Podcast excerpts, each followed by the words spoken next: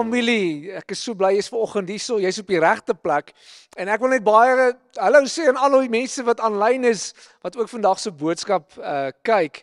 Uh ons is so excited op die oomblik oor ons YouTube channel besig om te groei elke week. Ek dink ons staan nou op so 1.1k follow, followers of so. Maar ek wil jou asseblief vra ook share ook dit met ander mense, vriende en uh kom ons kry God se woord ook so daar uit.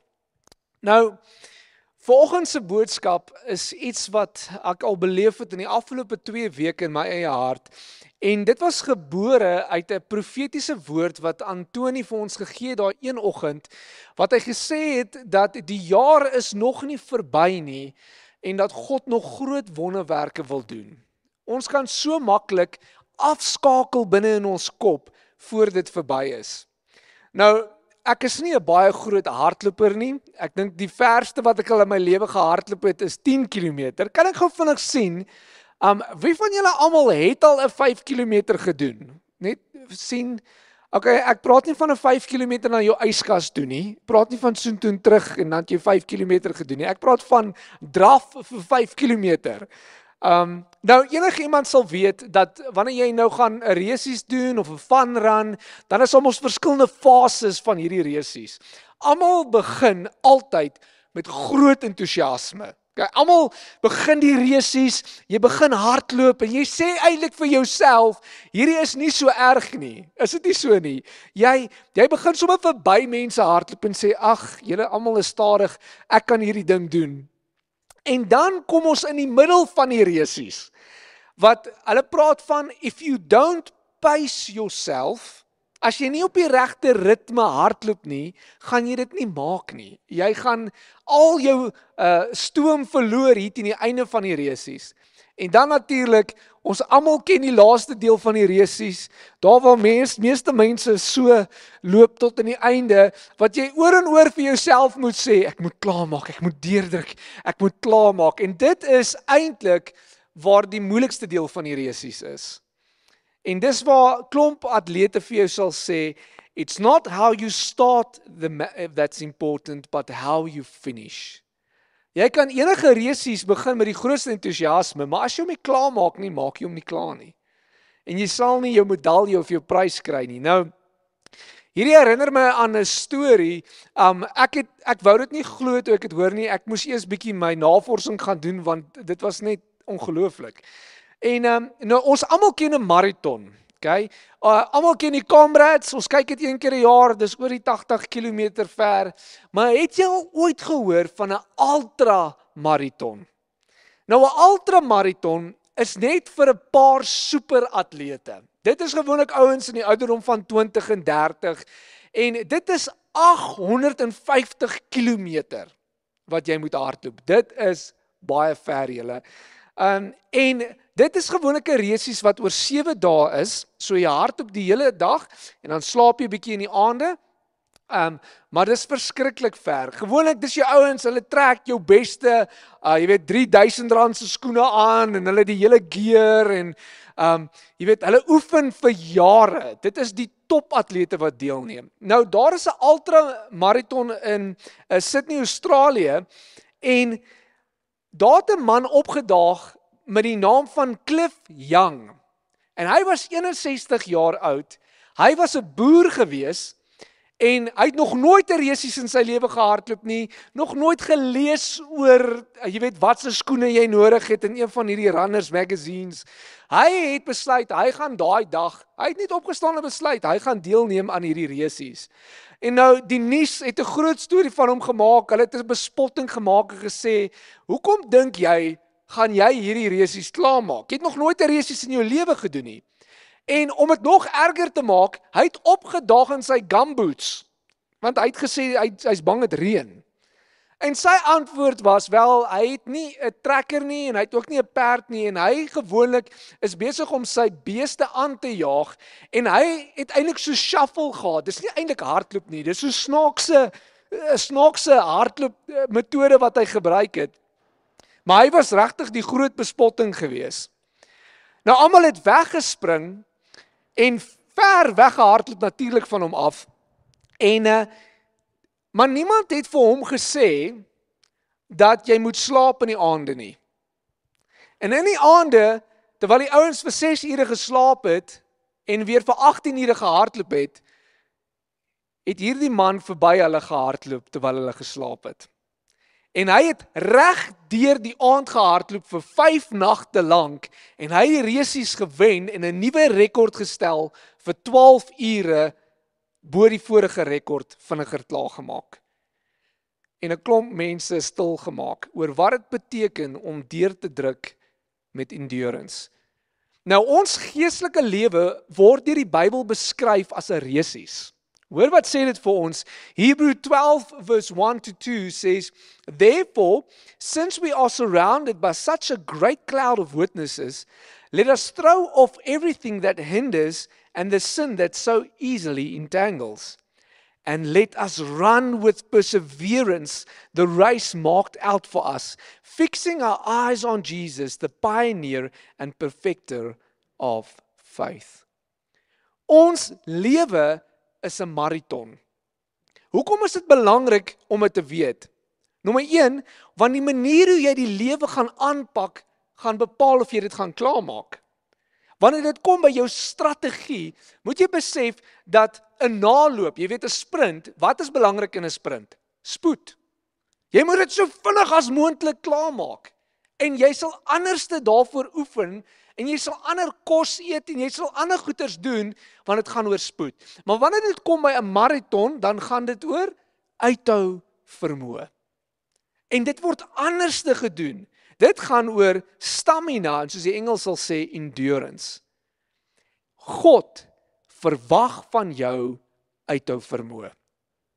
Hy verwag dat jy sal aanhou. Nou daai woordjie in daai skrif therefore is 'n koneksie na hoofstuk 11 en daarvan praat hy van helde, mense van geloof. Nou wie van julle het al ooit gevoel dat jy baie lank wag vir 'n belofte van God? Wat ek nie geberig sien. Jy al ooit gevoel, Here, dit vat nou 'n bietjie lank, jy weet, vir hierdie ding om te gebeur wat ek voor vertrou het. Ek het al baie so gevoel, julle, wat ek gevoel het ek wil opgee. Nou, hoe lank dink julle het Noag in die ark gebou? Kan ek gesien? Wat? 40 jaar, 20 jaar? 120 jaar lank het Noag aan die ark gebou. En ek dink by jouself, daar's geen water nie. Jy bou nou hierdie ark vir water wat gaan kom. En vir 120 jaar moet jy gemotiveerd wees saam met jou familie om hierdie ark te bou. Dankie tog hy hierdie ark gebou. En dan natuurlik ander ouens, Abraham het 40 jaar gewag vir sy kind wat God hom beloof het. Dawid, vandat hy gesê word hy gaan koning word, 15 jaar het hy gewag vir God se belofte. Geloof en geduld gaan baie keer hand aan hand. Maar kom ons wees eerlik, ek dink meeste Christene is soos ehm uh, kinders wat Kaap toe ry. Kan ek sien wie het al aan Kaap toe gery? Jy al Kaap toe gery is ver, nê. So, wat doen 'n kind wat in die kar sit wat op pad Kaap toe gaan? Hoe ver nog? Pappa, hoe ver nog? En my antwoord is altyd nog 30 ure. OK. Maar dis hoe ons baie keer is in ons geloof. Ons ons ons dink nie altyd met 'n maraton mentaliteit nie. Nou wanneer dit kom by 'n maraton, kort ons almal 'n strategie. Ons almal moet verstaan hoe ons hierdie ding gaan doen. Nou Paulus kom verduidelik vir ons hoe om dit te doen. Hoor wat sê hy. 1 Corinthians 9 verse 24 to 27 Do you not know that in a race all the runners run, but only one gets the prize. Run in such a way as to get the prize. Everyone competes in the games, goes into strict training. They do it to get a crown that will not last, but we do it to get a crown that will last forever. Therefore, I do not run like someone running aimlessly. I do not fight like a boxer beating the air. No, I strike a blow to my body and make it my slave, so that after I've preached to others, I myself will not be disqualified for the prize. Enige atleet gaan slaap vroeg, oefen ure elke liewe dag, het die regte dieet, is gedissiplineerd om 'n prys te wen. Nou dink by jouself, jy maak al daai opofferings en jou prys is 'n kroentjie wat uit blare gemaak is. Dit was die eerste prys gewees in die Olimpiese spele.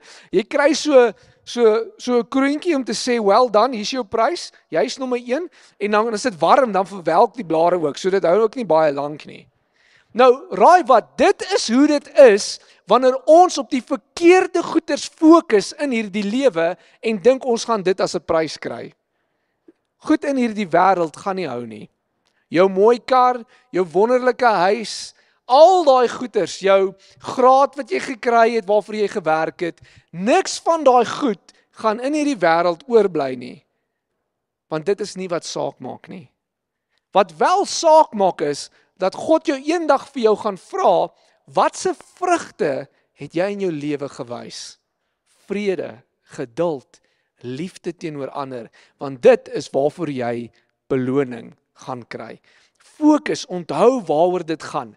God gaan nie eendag vir ons vra, "Ja, julle Kom ons praat net oor hierdie Eskom probleem."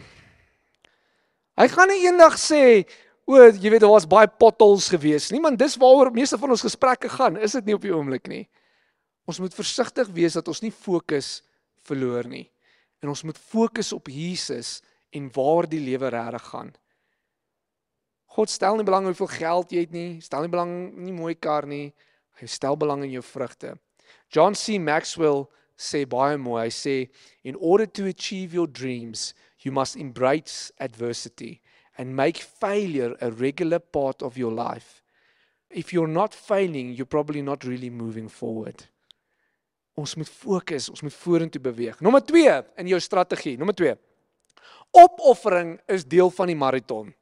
God verwag van ons om opofferings te maak. Hy sê die volgende, hy sê everyone who competes in the games goes into strict training. Dis altyd vir my interessant wanneer Christene, dis vir hulle snaaks as hulle opofferings moet maak, want die Here moet my net bless. Is dit nie so nie? Bless my net Here, voorsien vir my, gee my, maar die oomblik wanneer God vir ons opofferings vra in ons tyd, in ons energie, in ons finansies, dan is ons soos nee, nee, hierdie kom nie van die Here af nie. Die Satan is besig om my aan te val. Nou die dag sê tannie vir my, sy sê, "Oeg, ek kan nie meer nie, pastoor. Ek is so moeg vir al hierdie aanvalle, al hierdie aanslae wat ek vat." Ek sê, "Tannie, ek het fantastiese nuus vir jou. Jesus het al reeds die oorwinning gebring." Ons het nodig om te besef dat om vir Jesus te volg, gaan ons iets kos.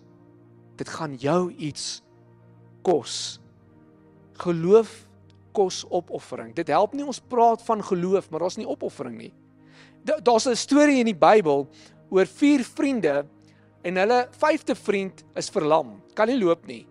En hulle het hom hierso op 'n draagbaar elke liewe dag dan tel hulle hom heel waarskynlik op. Hulle gaan sit hom ergens neer sodat hy net mense kan smeek vir geld.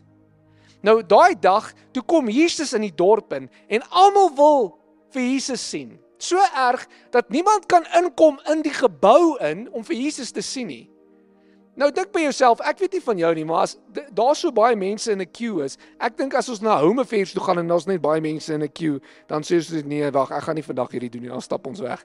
Okay? Maar hier's klomp mense en hulle hulle vriende kan maar net sê, "Oh well, dis nie my probleem nie. Jy weet, ek is jammer vir jou, maar dis nou hoe dit is. Ons kan nie by Jesus uitkom nie." Maar dis nie wat hulle doen nie. Hulle tel daai man op en hulle klim op die dak Julle, dis vir my moeilik om op die dak te klim sonder enige iets. Never mind om iemand te probeer daarbo kry. Terwyl hulle daarbo is, moet hulle die teels oopbreek, geloof in aksie. Hulle moet hierdie man laat afsak tot by Jesus. Dit vat bloed, sweet en trane. En Jesus sien hulle geloof in aksie en hulle genees hom. Hy genees hom. Opofferings is deel van ons maraton en van ons geloof. Hoor wat sê James Clear. Oek, hy praat oor dissipline. Julle, hy sê you will never always be motivated, so you must learn to always be disciplined. Ons het nodig om dissipline in ons geestelike lewe in te bou wanneer dit kom om by God se woord uit te kom, tyd met God te spandeer, kerk toe te gaan by ander gelowiges. It takes sacrifice. Nommer 3. Ek hou van hoe die Engels dit sê. My attitude will determine my altitude. My attitude will determine my altitude. Okay, hy sê therefore I do not run like someone running aimlessly. Jy al gesien hoe iemand aimlessly rondhardloop? Okay, hy weet nie waar hy is nie. Uh, hulle sê hy moet soontoe hardloop, hy hardloop in die teenoorgestelde rigting. Maar hy sê dis hoe dit is. Iemand wat aimless is of hy sê I do not fight like a boxer beating in the air. So dis iemand wat so half sy attitude is okay, hier gaan ons nou. Alrite, ek gaan hierdie resies hardloop, okay. Nee, dis 'n attitude. Ons almal het momente in ons lewe wat ons voel ons wil nie meer nie. Het jy al gevoel jy wil nie meer nie? Ek het al baie sulke oomblikke gehad. OK? Maar dan moet ek vir myself sê, wonderlik, jy's nou klaar vir jouself jammer gevoel, is jy nou oor dit? Nou het jy nodig om jou attitude te verander. God kan nie jou attitude verander nie. Jy alleen kan dit verander. En raai wat? God vir God is jou attitude baie belangrik. Baie belangrik. Dis hoekom hy sê murmurering is 'n sonde. So hoe lyk jou week? Is jy net besig om heeltyd te kla of is jy positief oor wat God vir jou doen? En dan my laaste ene is Jesus is my rus. Jesus is my rus. En ek het nodig om in hierdie maraton oomblikke van rus in my lewe in te bou. Oomblikke wat ek kom na die lewende water. Wanneer jy 'n maraton hardloop, is dit altyd vir my so interessant. Daar's altyd ouens wat so elke kilometer dan staan hulle mos met sulke sakkies water. Julle het dit al gesien? Dan dan op sulke sekere strategiese punte, dan kom jy verby. Ek sê vir jou, jy het al baie water in jou lewe gedrink, maar jy het nog nooit sulke lekker water gedrink nie. Hoekom? Want jy's dors. Maar wat gebeur as jy daai water skiep? Wat gebeur as jy nie by daai water uitkom nie? Wat? Jy gaan uitpas. OK, jy gaan dehydreer. Baie van ons is gedehydreer in ons geestelike lewe want ons kom nie uit by die lewende water nie. Jy is nie besig om tyd saam met Jesus te spandeer nie. En ons het nodig om te kom na Jesus toe want Jesus is die enigste een wat ware rus gee. Ek het al op vakansie gegaan, hè. Dan kom ek terug van vakansie af en kort ek nog 'n vakansie. Jy al so gevoel? Ek seker jy het al so gevoel. Jy kan 100 dae op vakansie gaan en jy kan nog steeds moeg wees. God is die een wat rus gee. Hy is die woord praat van hy veroorsaak dat ons weer kan sweef op arensvlerke. Sy gees is die een wat ons weer die krag gee wat ons nodig het. Ons almal raak liggaamlik moeg. Ons almal doen dis menslik. Maar jy kan geestelik ook moeg raak as jy nie by Jesus uitkom nie. Hy is die een wat dit vir jou moontlik maak. Ek sal nooit vergeet nie, so 2 jaar terug het ek regtig gevoel ek is klaar. Ek am klaar met bediening. Ek kan nie meer nie. In die aande wanneer ek by die huis kom en ek kom van mense se huise af en ek is baie lief vir mense. Maar as 'n pastoor werk jy met gebroke mense en mense se probleme en mense wat siek is, mense wat deur 'n moeilike tyd gaan, mense wat se besighede um in mekaar instort. En ek kom by die huis aan en elke aand ek sukkel om te slaap. Want ek ek's lief vir mense. Ek ek hulle probleme raak my probleme. Um en hulle bekommernisse myne en ek kan onthou een oggend staan ek op en sê Here, ek kan nie meer nie. En ek hoor hoe God se gees vir my sê, jy's reg, Braam. Jy kan nie. Jy kan definitief nie, maar ek kan. En ek het daar in 'n oomblik besef, solank as wat ek probeer om vir mense lief te wees, om te doen wat ek doen uit my eie krag uit, sal ek dit nooit regkry nie. Dit is slegs deur Jesus wat daar is wat my motiveer, wat langs die wedloop staan. Hy's eintlik nie langs die wedloop nie, hy hardloop langs my. Hy's nie besig om 'n toeskouer van bo af te kyk nie. Hy's langs my, besig om my aan te moedig. So ek wil jou los met 'n vraag. Besef jy dat jy besig is om 'n maraton te hardloop? Of het jy jou sprint gehardloop en nou kan jy nie meer nie? Het jy 'n strategie? Onthou jy nog hoekom jy hardloop of het die wêreld se goed vir jou belangrik geraak? Het jy begin fokus op al die probleme om jou? Want aan die einde maak niks van daai goed saak nie. Is jy nog steeds besig om jou krag en jou energie by Jesus te kry of het jou attitude begin stink? Niemand gaan dit vir jou verander nie. Nie die beste worship liedjie nie, nie die diepste Bybelstudie nie. Jy self kies hoe jy gaan voel en wat jy gaan dink. En dit maak saak vir God. Kom ons sluit vir 'n oomblik ons oë. Aber Vader, Dit is so groot voorreg om hierdie maraton te hardloop van geloof. Here, ek wil kom bid dat U ons asseblief sal help dat ons sal almekaar herinner word oor wat belangrik in hierdie lewe is. Here, dat U vir ons gaan kyk na die vrugte wat ons dra, nie dat die rykdom wat ons opgaar nie. Here, ek wil kom bid dat U sal kom en ons regtig net vrede sal gee, die krag sal gee, ons sal help. Here, vergewe ons vir baie keer ons eintlik ons attitude net gestink het waar ons gemurmureer het, gekla het. Here, ek bid dat U vir ons die krag sal gee wat ons nodig het. En ons sê amen. Thank you.